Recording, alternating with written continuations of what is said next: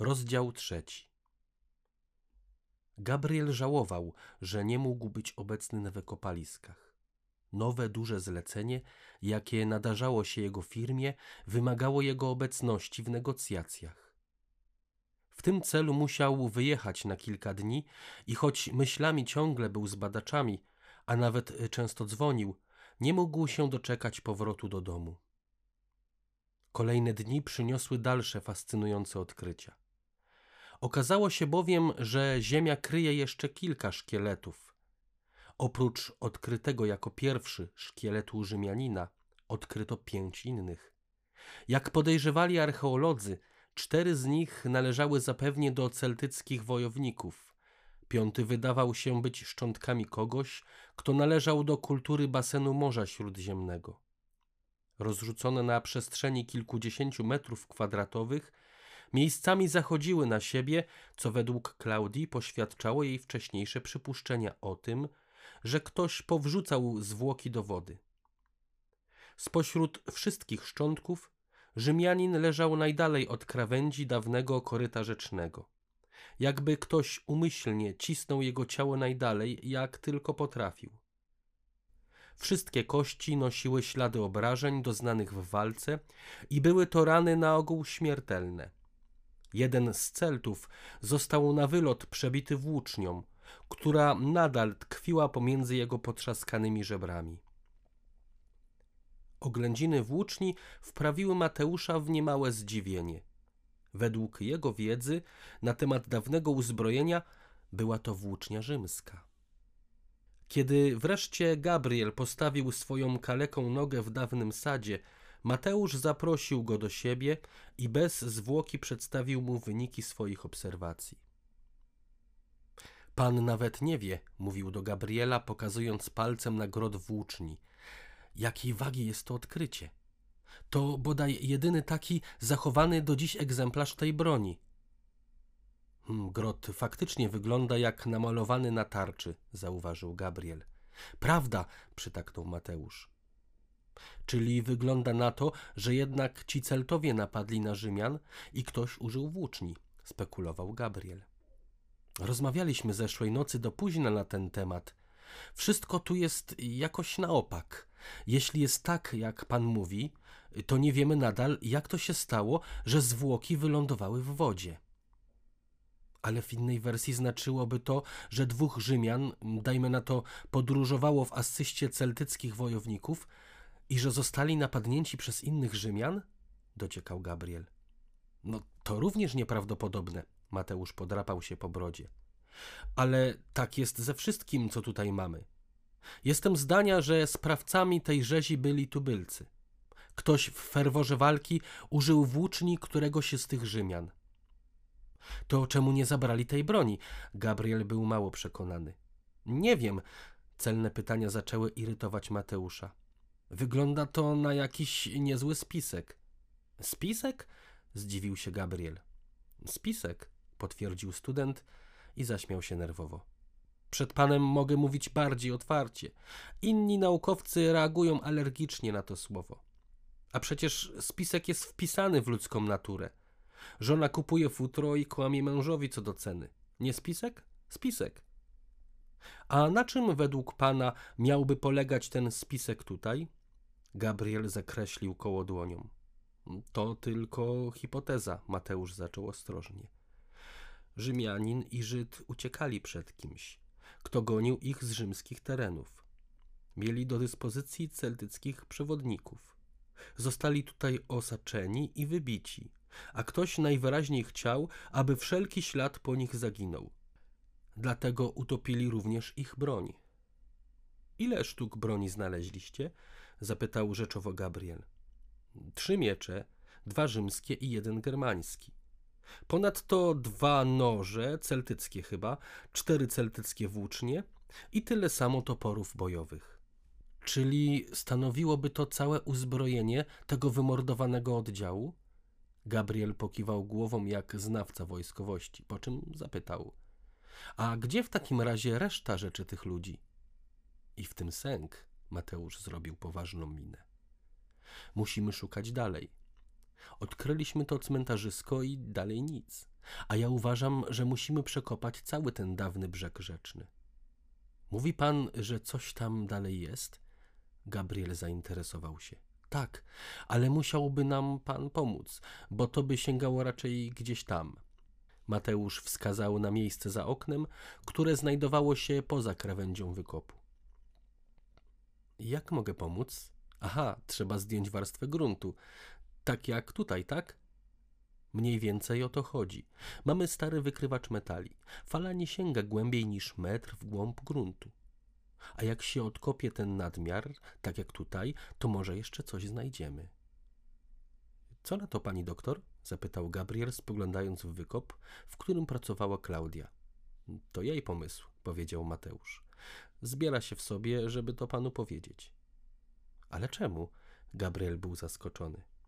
Nie ma śmiałości, wyznał Mateusz z rozbrajającą szczerością. To chodząca wiedza, ale nie zrobiła kariery archeologicznej, bo nie umie się przepychać łokciami, brak jej chyba nawet odrobiny tak potrzebnej w tym zawodzie pewności siebie. Chyba wiem, o czym pan mówi. Gabrielowi nagle zaczęło się cisnąć do głowy skojarzenie z konserwatorką zabytków. Zamierzał odejść, ale coś go tknęło i zatrzymał się w pół kroku i zapytał. Powiedział pan Żyd? Kiedy? Aha, powiedziałem, że ten drugi, Niecelt, to prawdopodobnie Żyd. Doktor Klaudia tak uważa, bo zbadała resztki ubrania tego człowieka. Splot włókien pochodzi z krosna typowego dla regionu Palestyny. Zresztą to się niedługo potwierdzi, może nawet dzisiaj, bo ona czeka na wyniki badań szkliwa zębowego. Tego Żyda. Żyda i pozostałych. A tak w ogóle to mamy już ekspertyzy zęba tego Rzymianina. I co z nich wynika? Gabriel patrzył na niego wyczekująco. Że to Rzymianin, zaśmiał się student dźwięcznie. Rzymianin, ale nie z Rzymu, gdzieś ze środkowej Italii. Miał około 70 lat w chwili zgonu. Zatem zabito starca. I to bez cienia litości, Mateusz zrobił przygnębioną minę. Mamy też ekspertyzę kryminalistyczną jakiegoś znajomego pani doktor. Stwierdził po oglądnięciu zdjęć obrażeń, że ktoś zadał bardzo silny cios ciężkim i ostrym narzędziem. Cios został zadany z góry. Napastnik był zapewne wyższy i silniejszy od Rzymianina. Jest jeszcze coś więcej. Mateusz zawiesił głos i nachylił się ku Gabrielowi. Ten Rzymianin był kiedyś ukrzyżowany.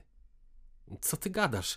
Gabriel parsknął śmiechem, nie zauważywszy nawet, kiedy przeszedł z nim na ty. Nie ja, eksperci. Mateusz przymrużył lekko oczy i niezrażony ciągnął. Przebite niegdyś nadgarstki i stawy nad kością piętową, wywichnięte stawy ramion, które już nigdy nie wróciły do poprzedniej pozycji. Stało się to dłuższy czas przed śmiercią, ale na zawsze uszkodziło organizm. Ten człowiek był kaleką. Trudno pojąć, jak oni to wszystko wiedzą na podstawie kilku kości. Mruknął Gabriel pod nosem i zostawił Mateusza samego. Tak jak się domyślał, znalazł Klaudię zajętą pracą w wykopie. Podszedł do niej i przywitał się serdecznie.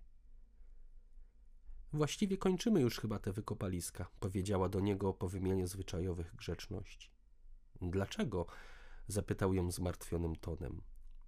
Przymrozki stają się coraz bardziej dokuczliwe, zażartowała, ale zaraz potem dodała poważnie. Już chyba odkryliśmy wszystko, co można było odkryć. Resztę badań przeprowadzimy na uniwersytecie. Mateusz sądzi, że jeszcze nie wszystko znaleźliście, powiedział do niej. Już się wygadał? spytała, unikając jego wzroku. Gabriel ogarnął wzrokiem wszystkie szkielety leżące na gruncie. Były dokładnie oczyszczone i wyglądały dość upiornie. Wzdrygnął się na myśl, że na takim cmentarzysku chciał postawić swój dom. Tak czy inaczej, doktor Klaudia miała rację. Zbliżał się listopad i robiło się coraz zimniej. Byłem na rozmowach z klientem na Pomorzu, powiedział, jakby zmieniając temat. Jak poszło? spytała. Nawet dobrze, odparł. Ale coś mi tam przyszło do głowy. Mamy u siebie w firmie taki olbrzymi namiot. Wygląda jak cyrkowy, ale kiedyś posłużył nam do organizacji targów. Moglibyśmy go rozpiąć nad całym tym terenem tutaj. Nie chce się pan rozstawać ze szkieletami? Zaśmiała się głośno. Polubiłem je, mruknął do niej i powrócił do wątku. Chcę po prostu, żeby cały ten teren został dobrze przeszukany. Zaciekawiła mnie ta sprawa i chcę się dowiedzieć, co się tutaj stało. Szczątki są skatalogowane i naniesione na mapę, więc nie ma potrzeby ich tutaj trzymać. Ale jak pan chce się wykosztować, to ja nie mam nic przeciw temu. Co do dalszych prac, moglibyśmy jeszcze poszukać pod warstwami tam, ale na tej samej głębokości, na jakiej są szkielety, powiedziała wreszcie, a on uśmiechnął się do swoich myśli. Więc potrzebujecie koparki? spytał, przychodząc jej w sukurs. Przydałaby się, przytaknęła. No więc nie ma sprawy. Postaram się załatwić nawet na jutro. Zamierzał odejść, ale z jej twarzy wyczytał, że ma jeszcze jakieś obawy. Poczekał chwilę, patrząc na nią wyczekująco. Byli tu jacyś ludzie, pana znajomi ze zboru, zaczęła niepewnie. Moi znajomi? Jego twarz poczerwieniała momentalnie z gniewu. Tak mówili, przytaknęła niepewnie, najwyraźniej zbita z tropu jego reakcją. Co mówili? Przyszli tu w towarzystwie pańskiej mamy, tłumaczyła się. Mówili, że się dobrze znacie, że razem dyskutujecie o Biblii. Wypytywali o to, co wiemy i takie tam. To raczej znajomi mojej mamy, powiedział oględnie. A czy oni czasem nie proponowali pani jakiejś pomocy? Proponowali, potwierdziła z lekką drwiną, ośmielona tym, że najwyraźniej Gabriel nie miał o nich dobrego zdania. A co konkretnie? Mają ponoć ekspertów w Nowym Jorku. Mówili, że mogą tu przyjechać i asystować nieodpłatnie. Nie mogę tego pojąć, wyznał Gabriel szczerze. Nigdy bym się po nich nie spodziewał, że aż tak bardzo zainteresują się jakimś zabitym przed wiekami Rzymianinem.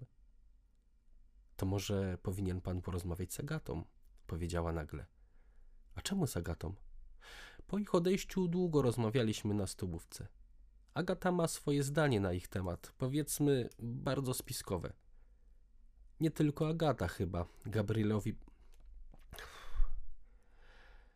Nie tylko Agata chyba, Gabrielowi przypomniała się rozmowa z Mateuszem.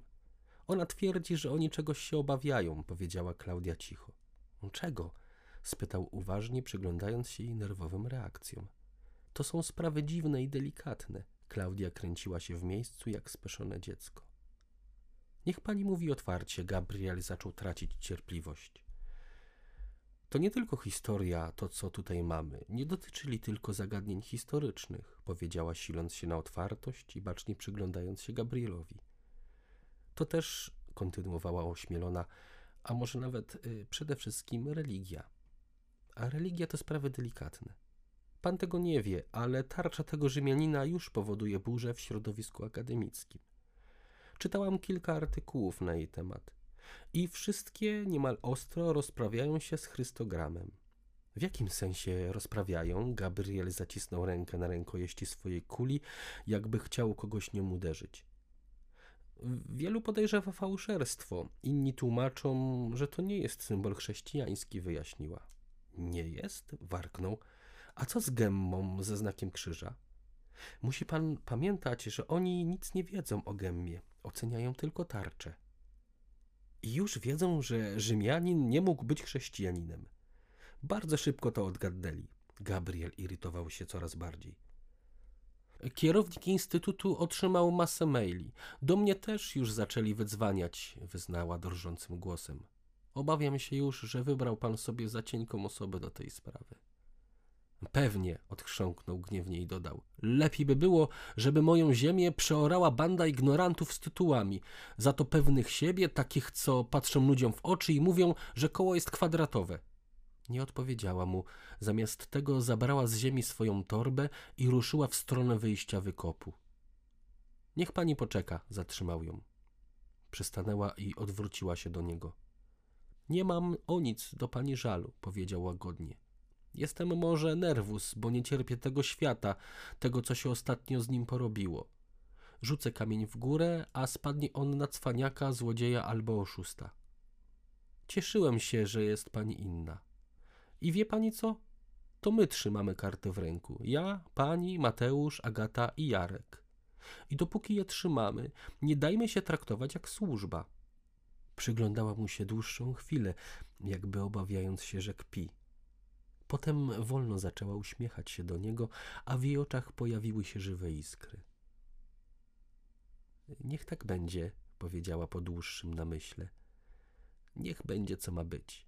Odkryjemy tajemnicę tych ludzi, nawet jeśli cały świat się na nas wypnie. Przytaknął jej milcząco, sam nieco zaskoczony tym, co powiedziała. Wyszła po drabinie na górę, a on został sam w wykopie. Podszedł do leżących w czarnej ziemi szkieletów i każdemu z nich dokładnie się przyjrzał. Ludzie epoki, która dawno minęła, spoczywali nieruchomo, zredukowani do kruchych stelaży. Każdy z nich leżał w innej pozycji i Gabriel pomyślał, że faktycznie nie mogło być mowy o zorganizowanym pochówku. Zginęli zapewnie z dala od swoich bliskich i ślad po nich zaginął. Być może ich bliscy dowiedzieli się od kogoś o tragedii, która się wydarzyła, być może nie dowiedzieli się o tym nigdy. Przyglądał się ich rozwartym w niemym krzyku żuchwom, ich pustym oczodołom, w którym kiedyś błyszczały wilgotne oczy. Czy nas ktoś kiedyś tak odnajdzie? Zapytał samego siebie. Czy kiedyś będzie się zastanawiał nad naszym dramatem? Szczerze w to wątpił. Brązowe kości miały teraz okazję na wysłuchanie, swoje pięć minut sławy, która może sprawić, że ich skarga dotrze do uszu świata. Myślał też jednak, że być może ta utopiona w bagnie grupa może być właściwie sama sobie winna tej nagłej, brutalnej śmierci. Być może nawet nie zasłużyli na żadne śledztwo, a ich tajemnica jest ich najbardziej skrytą i wstydliwą sprawą. Niemniej ziemia, na której polegli, należała teraz do niego i los rzucił ich bezceremonialnie w jego ręce, a on dopilnuje, żeby prawda wyszła z bagna. Być może niczego się pan jednak nie dowie. Głos prokuratora przeszył go na wskroś, aż podskoczył w miejscu. Jakby znał pan moje myśli, odpowiedział mu, nie odwracając się. Żadne szczególne myśli, zarechotał prokurator. Są zawsze takie same nad szczątkami ludzi. Gabriel odwrócił się do niego i poczekał, aż urzędnik podejdzie bliżej. Potem uścisnął mu dłoń i zapytał: Podejrzewam, że ma pan szczególny powód, żeby się tu zjawiać. Dobrze pan podejrzewa, panie Gabrielu, zaczął zmęczonym głosem. Co się dzieje? Awantura na szczeblu rządowym. Chcą przejąć pańskie wykopaliska, powiedział prokurator. Mają takie prawo? spytał Gabriel. Nie mają, ale mają to gdzieś. Taka jest nasza polska rzeczywistość. Jeżeli wysoko postawieni ludzie czegoś bardzo chcą, nikt nie może im przeszkodzić, nawet ja. Jak to możliwe? syknął Gabriel przez zaciśnięte zęby. To działa zawsze tak samo. Tak jak w przypadku dobrze prosperującej, bogatej firmy. Ma pan dobry pomysł na biznes, łeb do interesów i pracowitość.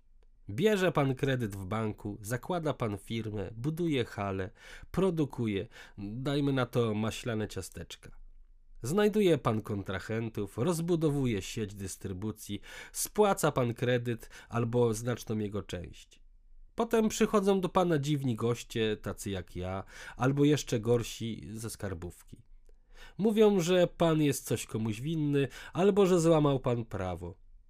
Trafia pan za kratki, a państwo sprzedaje pańską firmę komuś, kto chce kupić. Oczywiście za jakiś czas pan wychodzi na wolność. Pańscy prawnicy udowodnili, że jest pan niewinny. Ale firmy już pan nie odzyska. Co najwyżej jakieś oficjalne przeprosiny i groszowe odszkodowanie. To zawsze działa tak samo. Tutaj zrobią panu podobną bonanzę. Pan to wszystko straci, panie Gabrielu, i wyjdzie z tego zgorzkniały, a także złamany. Co mi pan zatem proponuje? wydusił Gabriel przez ściśnięte gardło. Łatwiej panu będzie przez to przejść, kiedy pan będzie współpracował z nimi. Oni nie chcą pańskiej ziemi, chcą tylko tych ludzi. Urzędnik wskazał palcem na szkielet. A po co im oni? To tylko wyschnięte truchła zapomnianych przez Boga i ludzi. Gabriel podniósł głos.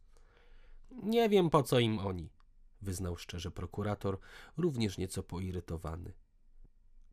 Mam właściwie gdzieś tych dwutysiącletnich dziwolągów z krzepickiego bagna. Dla mnie to żaden skarb, ale najwyraźniej dla kogoś okazali się bardzo cenni. I nic nie będę mógł poradzić. Za cienki jestem. Jednego dnia poznałem cały tabun cienkich ludzi, rzekł Gabriel smętnie. Gdzie są ci mocni? Na przeciwnej flance. Tak jak panu powiedziałem, niech pan da sobie spokój, albo będzie bolało. Głos prokuratora stawał się coraz bardziej twardy i nieprzyjemny. Mam swojego prawnika. Czas, panie Kostecki, tylko czas jest pan sobie w stanie kupić i to niewiele. Prokurator wszedł mu w słowo. Ponadto nie radziłbym denerwować tych ludzi. Niech pan natychmiast opuści moją ziemię. Gabriel popatrzył mu zimno w oczy. Moją ziemię. Urzędnik zaczął go przedrzeźniać. Ej, nie dogadaliśmy się, a szkoda. Głuchy jesteś? Rzucił mu prosto w twarz. A może jednak nie doczytałeś w moich aktach, że najpierw naciskam spust, a potem myślę?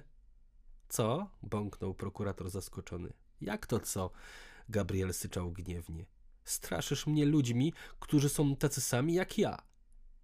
Tu może być jeszcze robota dla pana w tym wykopie. Niech pan szykuje worki, dużo worków. Prokurator zmierzył go wzrokiem od stóp do głowy, nieco dłużej przyglądając się jego kuli, tak jakby nagle przestał wierzyć w jego kalectwo. Potem wolno, nie spiesząc się, skierował się w kierunku drabiny. Wieczorem po kolacji Gabriel poprosił Klaudię i studentów, żeby zostali na chwilę na stołówce. Opowiedział im wszystko jak leci, niczego nie pomijając, nawet tego, za jakie oszustwa został kiedyś skazany przez sąd. Wyłudziłem nienależny wad, wyznał. Nie była to żadna pomyłka. Wiedziałem, co robię. Ale chciałem ratować swoją firmę, która wtedy nie dawała rady wyżywić rosnących z roku na rok wymagań naszego rządu. Do tego doszło później składanie fałszywych zeznań i poświadczenie nieprawdy. Ale to stare dzieje Teraz chodzi tylko o to, czy zamierzamy skończyć to, co zaczęliśmy. Trudno to wszystko ogarnąć, Jarosław odezwał się pierwszy. To trochę też idzie o nasze głowy. Bez przesady, wtrąciła Agata. Nie aż o głowy, raczej o kariery. Naraziliśmy się już pewnym ludziom, potaknęła Klaudia. A ja to wezmę na siebie. Tak czy inaczej, my nie jesteśmy tutaj prywatnie.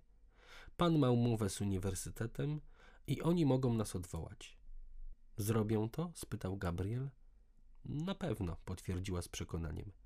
Ten wredny kierownik, który tak się panu nie spodobał, jest w gruncie rzeczy dobrym naukowcem. Ale i on nie jest w stanie nas długo chronić. Jak dużo mamy czasu? spytał Gabriel na pały siebie, na pały ją. Kto to wie, zamyśliła się. Może tydzień, maksymalnie dwa. Odwołają was stąd, potem zajmą się zaborem mojej ziemi, spekulował Gabriel. To tylko ziemia, powiedział nagle Mateusz. Co pan ma na myśli? Gabriel ożywił się. Wie pan, jak to się często w Polsce odbywa, odpowiedział pytaniem i po chwili wyjaśnił. Ludzie kopią, bo szukają skarbów, a czasem tylko pamiątek historycznych. Nikomu nie mówią, że coś znaleźli. Spotykają się na tajnych forach, to taka druga podziemna archeologia. Przecież to jest nielegalne, jak dla naukowca nieetyczne. Klaudia zdenerwowała się. A co jest etyczne? Mateusz również był zły. To jest etyczne? To, że się zabiera ludziom ziemię? Że się zarządza znaleziskami według pewnego ustalonego klucza? A do tego to, że religia? Kochani, przerwał Gabriel, dzisiaj dużo usłyszałem od was półsłówek na temat religii. Możecie mi wreszcie powiedzieć otwarcie o co chodzi? Przez chwilę nikt się nie odzywał. Wreszcie podjął Mateusz. Mit płaskiej ziemi. Student wypowiedział te słowa niemal szeptem, po czym wzruszył ramionami. Mit płaskiej ziemi. Gabriel patrzył na niego, coraz mniej rozumiejąc. Y, chodzi o to, podjął Mateusz niepewnie. Czy w średniowieczu wierzono, że ziemia jest płaska? Agata weszła w słowo Mateuszowi, ale pytanie skierowane było wyraźnie do Gabriela. No niech pan odpowie. Naciskała go, kiedy uparcie milczał. No, chyba tak, wzruszył ramionami. Przecież to ogólnie wiadomo. Więc nie, powiedziała głośno. Ale po co? Gabriel był coraz bardziej skłowany i nie rozumiał, co ma płaska ziemia wspólnego z wykopaliskami. Po to, żeby nieco ośmieszyć epokę średniowiecza, powiedział Mateusz. Po to, żeby ośmieszyć religię, uściśliła Agata i dodała szybko. Mówi się często, że diabeł tkwi w szczegółach. I rzeczywiście tkwi. Drobne szczegóły zarzutu wobec Kościoła, jakoby przeinaczał fakty. Oni zadali sobie masę trudu przez lata, żeby stworzyć wizerunek Kościoła, który jest diametralnie inny od tego, który istniał w pierwszych wiekach. Czy wy lekko nie przesadzacie? wtrącił Jarek ostrożnie. Nie ma żadnego wielkiego spisku. Tutaj chodzi o zwykłe ludzkie ambicje. Każdy chciałby być na okładce National Geographic. Tak? zapytała Agata, odwracając ku niemu pobladłą twarz. To czemu tak bardzo rozmijają się z faktami? Nie znają wszystkich. Jarek wzruszył lekko ramionami. Przecież nie wiedzą o gemmie, czy też. Więc tutaj chodzi o ten symbol? Tylko o ten symbol na tarczy? Gabriel nie mógł uwierzyć w to, co usłyszał. Wątpię, powiedziała Agata z namysłem. Raczej chodzi o to, co jeszcze możemy tu odkryć i o to, że nie mają nad tym kontroli. Ale kto to jest? Kim są ci oni? To jest pytanie warte miliona dolarów. Agata spuściła wzrok i Gabriel miał wrażenie, że ona zna odpowiedź, ale boi się, że się ośmieszy. Więc o co tak naprawdę toczy się ta walka? Gabriel przysiadł na krześle, nieco oszołomiony i zdezorientowany. Może o to, co zwykle. O prawdę chyba, powiedziała Klaudia. O tych kilka mało wartych szczegółów? dziwił się Gabriel. W których tkwi diabeł, przypomniała Agata. To co robimy? Gabriel uniósł zmęczoną twarz. Kopmy dokąd możemy, powiedział z namysłem Jarosław. I prowadźmy dwie księgi. Jak mafia? domyślił się nagle Gabriel. Jak mafia, przytaknął Jarek. Jedną dla urzędu, tę, którą na pewno nam zabiorą, i tę znacznie obszerniejszą, która na zawsze zostanie z nami. Zatem spisek? zapytał retorycznie Gabriel, uśmiechając się kwaśno. Spisek. Klaudia spojrzała mu w oczy tak głęboko, że aż przeszły go ciarki po plecach. Nie połączyli swoich dłoni w centrum kręgu i nie wypowiedzieli żadnego jeden za wszystkich. Niemniej jednak wszyscy obecni byli chyba świadomi doniosłości podjętej decyzji. Zawiązali honorowy sojusz nad grobami zabitych ludzi, sojusz, którego głównym celem miała być walka o prawdę, jakakolwiek by ona była, bez oglądania się na układy i polityczną poprawność. Walka do ostatniego tchu, do utraty szans na karierę i prestiż. Gabriel wiedział, że się nie zawiedzie na Henryku. Operator koparki profesjonalnie współpracował z Jarkiem i pod jego batutą ostrożnie zdjął prawie dwa metry gruntu. Zajęło mu to niespełna kilka godzin i pomimo tego, że archeolodzy podziękowali mu za pracę, za nic nie chciał opuścić terenów i kopalisk. Może za chwilę trzeba będzie jeszcze coś odkopać, gderał głośno, aż doktor Klaudia machnęła ręką i poprosiła jedynie, aby trzymał się nieco na uboczu. Jeszcze przed lunchem naukowcy rozpieli następne pola siatki i używając wykrywacza metalu sprawdzili nowo odkryte połacie gruntu. W jednym miejscu wykrywacz dawał wyraźny odczyt i Mateusz z Jarkiem zaczęli tam ostrożnie odsłaniać ziemię. Już po niespełna kwadransie dokonali pierwszych odkryć. Początkowo sądzili, że trafili na jakąś olbrzymią skrzynię. Im głębiej jednak kopali, tym większe było ich podniecenie i ekscytacja. To jest wóz! zakrzyknął Mateusz. Gabriel dotąd kręcił się w kilkumetrowej odległości, nie chcąc przeszkadzać. Tym razem jednak nie wytrzymał i wszedł niemal na sam brzeg odkrytej właśnie deski. Doktor Klaudia i Agata już tam były i zaczęły ostrożnie pomagać przy usuwaniu ziemi. Gabriel zauważył, że odkrycie było czymś w rodzaju kilkumetrowej, prostokątnej skrzyni. Na jednym z jej boków dokopali się do górnej części koła. Stąd Mateusz wywnioskował, że odkryty właśnie artefakt był wozem. Niewielki to był wóz, stwierdził Gabriel, oceniając rozmiary drewnianego obrysu. Coś jakby większy rydwan, przyznała Klaudia, nie odrywając wzroku od swojej łopatki. Rzucała, a raczej kładła ziemię na niewielkie nosze, przeznaczone do transportu w pobliże dużego sita. Kiedy jej stalowa łopatka trafiła na twardy przedmiot, przerwała kopanie i za pomocą szerokiej szczotki zaczęła nagarniać piach na szuflę. Znowu to samo, stwierdził spokojnie Mateusz, wskazując palcem na wyłaniające się spod piasku ciemne warstwy ziemi. Dziwne i tajemnicze zarazem podjęła Agata. Czyli co? Gabriel dreptał w miejscu jak ktoś, kto niezwłocznie musi udać się do toalety. A to, że wóz był wepchnięty do rzeki, Jarek ubiegł Agatę. Zobaczcie, w burtach wozu są gniazda na stelaż plandeki, ale stelaża już nie ma i nie ma plandeki. Pewnie nie było, domyślał się Gabriel. Raczej była, powiedziała Klaudia, przyglądając się jednemu z gniazd na stelaż. Wewnątrz tych gniazd są pozostałości pionowych kłonic, wyjaśniła. Po prostu po wepchnięciu do rzeki cała ta buda tego wozu wystawała nad lustro wody, chyba płytkiej w tym miejscu. Aha, złapał Gabriel, czyli to, co wystawało ponad wodę, zgniło i rozleciało się. Mniej więcej, Klaudia uśmiechnęła się do niego, ale wyraz jej twarzy był nadal bardzo skupiony. Gabriel zaglądał jej przez ramię i już po chwili zorientował się, co tak bardzo absorbuje panią doktor. Spod wprawnych ruchów jej dłoni zaczął wyłaniać się lejkowaty kształt. Dzban? orzekł raczej niż zapytał Gabriel. Amofora, potwierdziła Klaudia drżącym głosem. Nikt nie przejmował się dostarczonym jak zwykle o czasie posiłkiem. Nie przerywali pracy i mimo zmęczenia do zmroku udało im się odsłonić tajemnicę starożytnego wozu. Najbardziej mrocznym odkryciem okazał się kolejny szkielet, leżący na deskach podłogi powozu. Już pierwsze oględziny wykazały, że w wozie leżały zwłoki kobiety, odziane w długą rzymską suknię, która o dziwo również zachowała się w doskonałym stanie.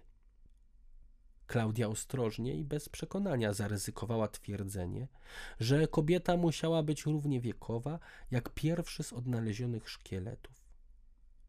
W czaszce odkryli szereg sztucznych złotych zębów, przymocowanych do pozostałych za pomocą miedzianego drucika. Na stawach rąk i nóg dostrzegli widoczne zmiany artretyczne. Oprócz szkieletu wóz skrywał jeszcze sześć pękatych amofor, dwa skórzane bukłaki i skrzynię. Ta ostatnia miała urwane wieko i jej zawartość częściowo wysypywała się na zewnątrz.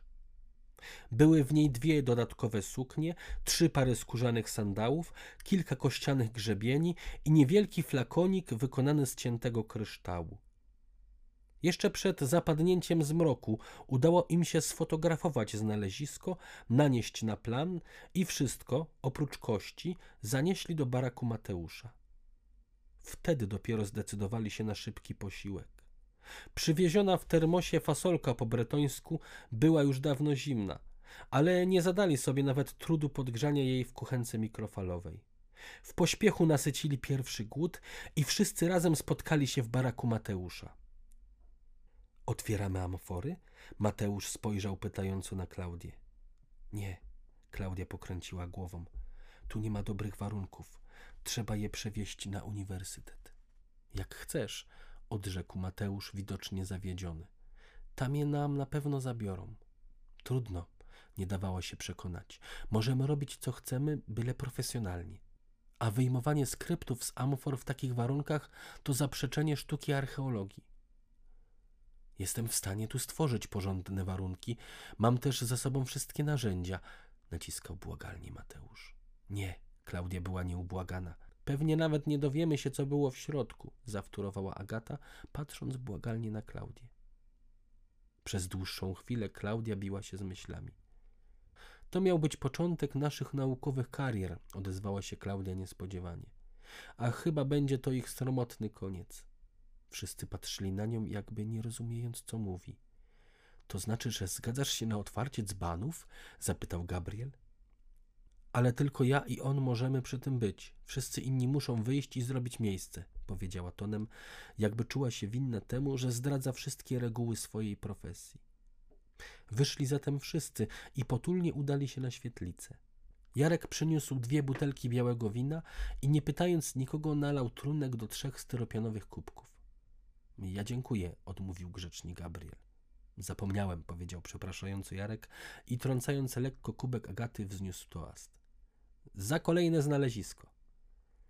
To nie znalezisko, Agata skrzywiła się lekko. To kolejny grób człowieka. Wypiła jednak drobny łyk wina i postawiła kubek z powrotem na stole. Lejkowate naczynia były tych samych rozmiarów i miały pojemność około 4 litrów. Trzy amfory zamknięte były za pomocą drewnianych korków. Pozostałe trzy zaczopowane były lnianymi szmatkami i oblane pszczelim woskiem. Domyślam się, że te z drewnianymi korkami zawierają żywność, powiedziała Klaudia do Mateusza, przykucając przy ustawionych na podłodze opartych o ścianę amforach. Te trzy zalakowane mogą kryć skrypty. To dlatego zdecydowałaś się na otwarcie ich, co? Rzekł Mateusz nieco smutnym głosem. Boisz się, że lada dzień, lada godzina, wszystko nam zabiorą i nigdy nie dowiesz się, co tam było. Mniej więcej, przytaknęła zrezygnowanym głosem. To wybierz pierwszą na stół operacyjny. Nawet nie zorientowała się, kiedy Mateusz przygotował stół do pracy. Na blacie rozwinął duży arkusz szarego papieru, a z prawej strony przygotował kilka narzędzi. Był tam skalpel o szerokim ostrzu, dłubak z haczykiem na końcu, chirurgiczne nożyczki i kilka rodzajów szczypiec. Klaudia bez słowa podała mu ostrożnie pierwszą z zapieczętowanych woskim amfor. Doskonały wybór, uśmiechnął się do niej, nakładając na dłonie gumowe rękawiczki. Wziął od niej gliniane naczynie i delikatnie położył na papierze. Odwrócił amforę szyjką w swoją stronę i bez pośpiechu sięgnął po skalpel. Ostrożnie naciął wosk dookoła otworu i za pomocą haczykowatego dłubaka wyjął blokującą golnianą szmatkę. Odłożył ten korek na bok i za pomocą niewielkiej latarki poświecił do środka. W baraku zaległa cisza tak głęboka, jakby oboje przestali nawet oddychać. Co tam jest? Nie wytrzymała Klaudia. Mateusz nie odpowiedział. Zamiast tego wsunął do środka dwa palce i po chwili ostrożnie wyjął rulon papirusu. Klaudia nałożyła rękawiczki i bez pytania przysiadła do niego. Zaczekaj, zgonił ją z krzesła i podał jej rulon do ręki. Potrzymaj to i daj mi zrobić miejsce. Uprzątnął ze stołu artefakty i narzędzia, po czym zwinął z blatu szary papier, na którym zdążyło się nagromadzić sporo piasku i brudów. Rozłożył czysty arkusz i razem usiedli przy stole. Rulon składał się z dwóch drewnianych wałków, na którym nawinięte były arkusze papirusu. Rotulus, powiedziała Klaudia i ostrożnie położyła go na blacie stołu. Zrób fotografię. Mateusz wstał i z pobliskiej szafki wyjął doskonałej jakości aparat. Nachylając się nad stołem, pstryknął kilka zdjęć, nie używając flesza. Ciepłe światło stołowej lampki było wystarczające i oceniając pobieżnie jakość fotografii na wyświetlaczu, Mateusz zdawał się być zadowolony. Klaudia tymczasem powoli rozwinęła fragment arkusza i ich oczom ukazały się pierwsze zapisane w kolumnie litery. Kojne szepnął Mateusz nad jej uchem. Greka Koine. Tak, odszepnęła z bielałymi wargami. Gdyby była łacina, byłoby prościej. Rozwinęła pełen arkusz i przyjrzała się dokładnie kolumnie tekstu. Były zachowane w doskonałym stanie. Nad tekstem widniał kilkuwersowy nagłówek, w którym znajdowała się informacja dotycząca dzieła. Wpatrywała się w niego tak długo, aż greckie litery zaczęły się jej zlewać w jedną masę. Nie jestem mistrzynią starożytnej Greki, zaczęła ostrożnie, ale, ale, Mateusz ciągnął ją za język. To chyba jest Tallus, powiedziała to tak cicho, że Mateusz ledwo usłyszał. Co masz na myśli? zapytało ją po chwili napięcia. Chcesz powiedzieć, że mamy przed sobą zaginione dzieło Tallusa? Historię Rzymu według Tallusa? W nagłówku ewidentnie pada imię Tallus, powiedziała jakby sama nie wierząc w to, co mówi. Będzie to musiał obejrzeć ktoś z języków starożytnych, dodała po chwili. Dobra, ale póki nam tego nie zabiorą, zróbmy kopię dla siebie, zaproponował Mateusz, przygotowując aparat do kolejnych zdjęć. Klaudia nie zaprotestowała. Powoli rozwijała rulon i arkusz po arkuszu robili zdjęcie papirusowi. Zajęło im to sporo czasu, gdyż zwój składał się z kilkudziesięciu arkuszy. Mój profesor zabiłby mnie za to, stwierdziła z desaprobatą, kiedy skończyli. Mateusz umieścił papirus w drewnianym pudełku z gąbczastą wyściółką i na wieczku napisał Amfora 1 Tallus? Znak zapytania. Potem w podobny jak za pierwszym razem sposób otworzyli drugie naczynie i tam również znaleźli zrolowany papirus. Nie miał on jednak drewnianych wałków, stanowił raczej niezdarnie pozwijany rulon, dużo cieńszy od poprzedniego. Stanowiło go raptem kilka arkuszy. Klaudia mimowolnie przeklinała niechlujność posiadacza, obawiając się, że zwój może być zniszczony. Z tą samą starannością jak poprzednio rozwinęła go na stole i z ulgą stwierdziła, że zarówno stan papirusu, jak i pismo są w doskonałym stanie. Tekst nie posiadał żadnego nagłówka, więc Klaudia starała się odczytać kilka pierwszych słów, gdzie zazwyczaj zawierano informacje co do treści. Tym razem nie udało się jej rozszyfrować znaczenia żadnego ze słów, więc zniechęcona poprosiła Mateusza o zrobienie zdjęć.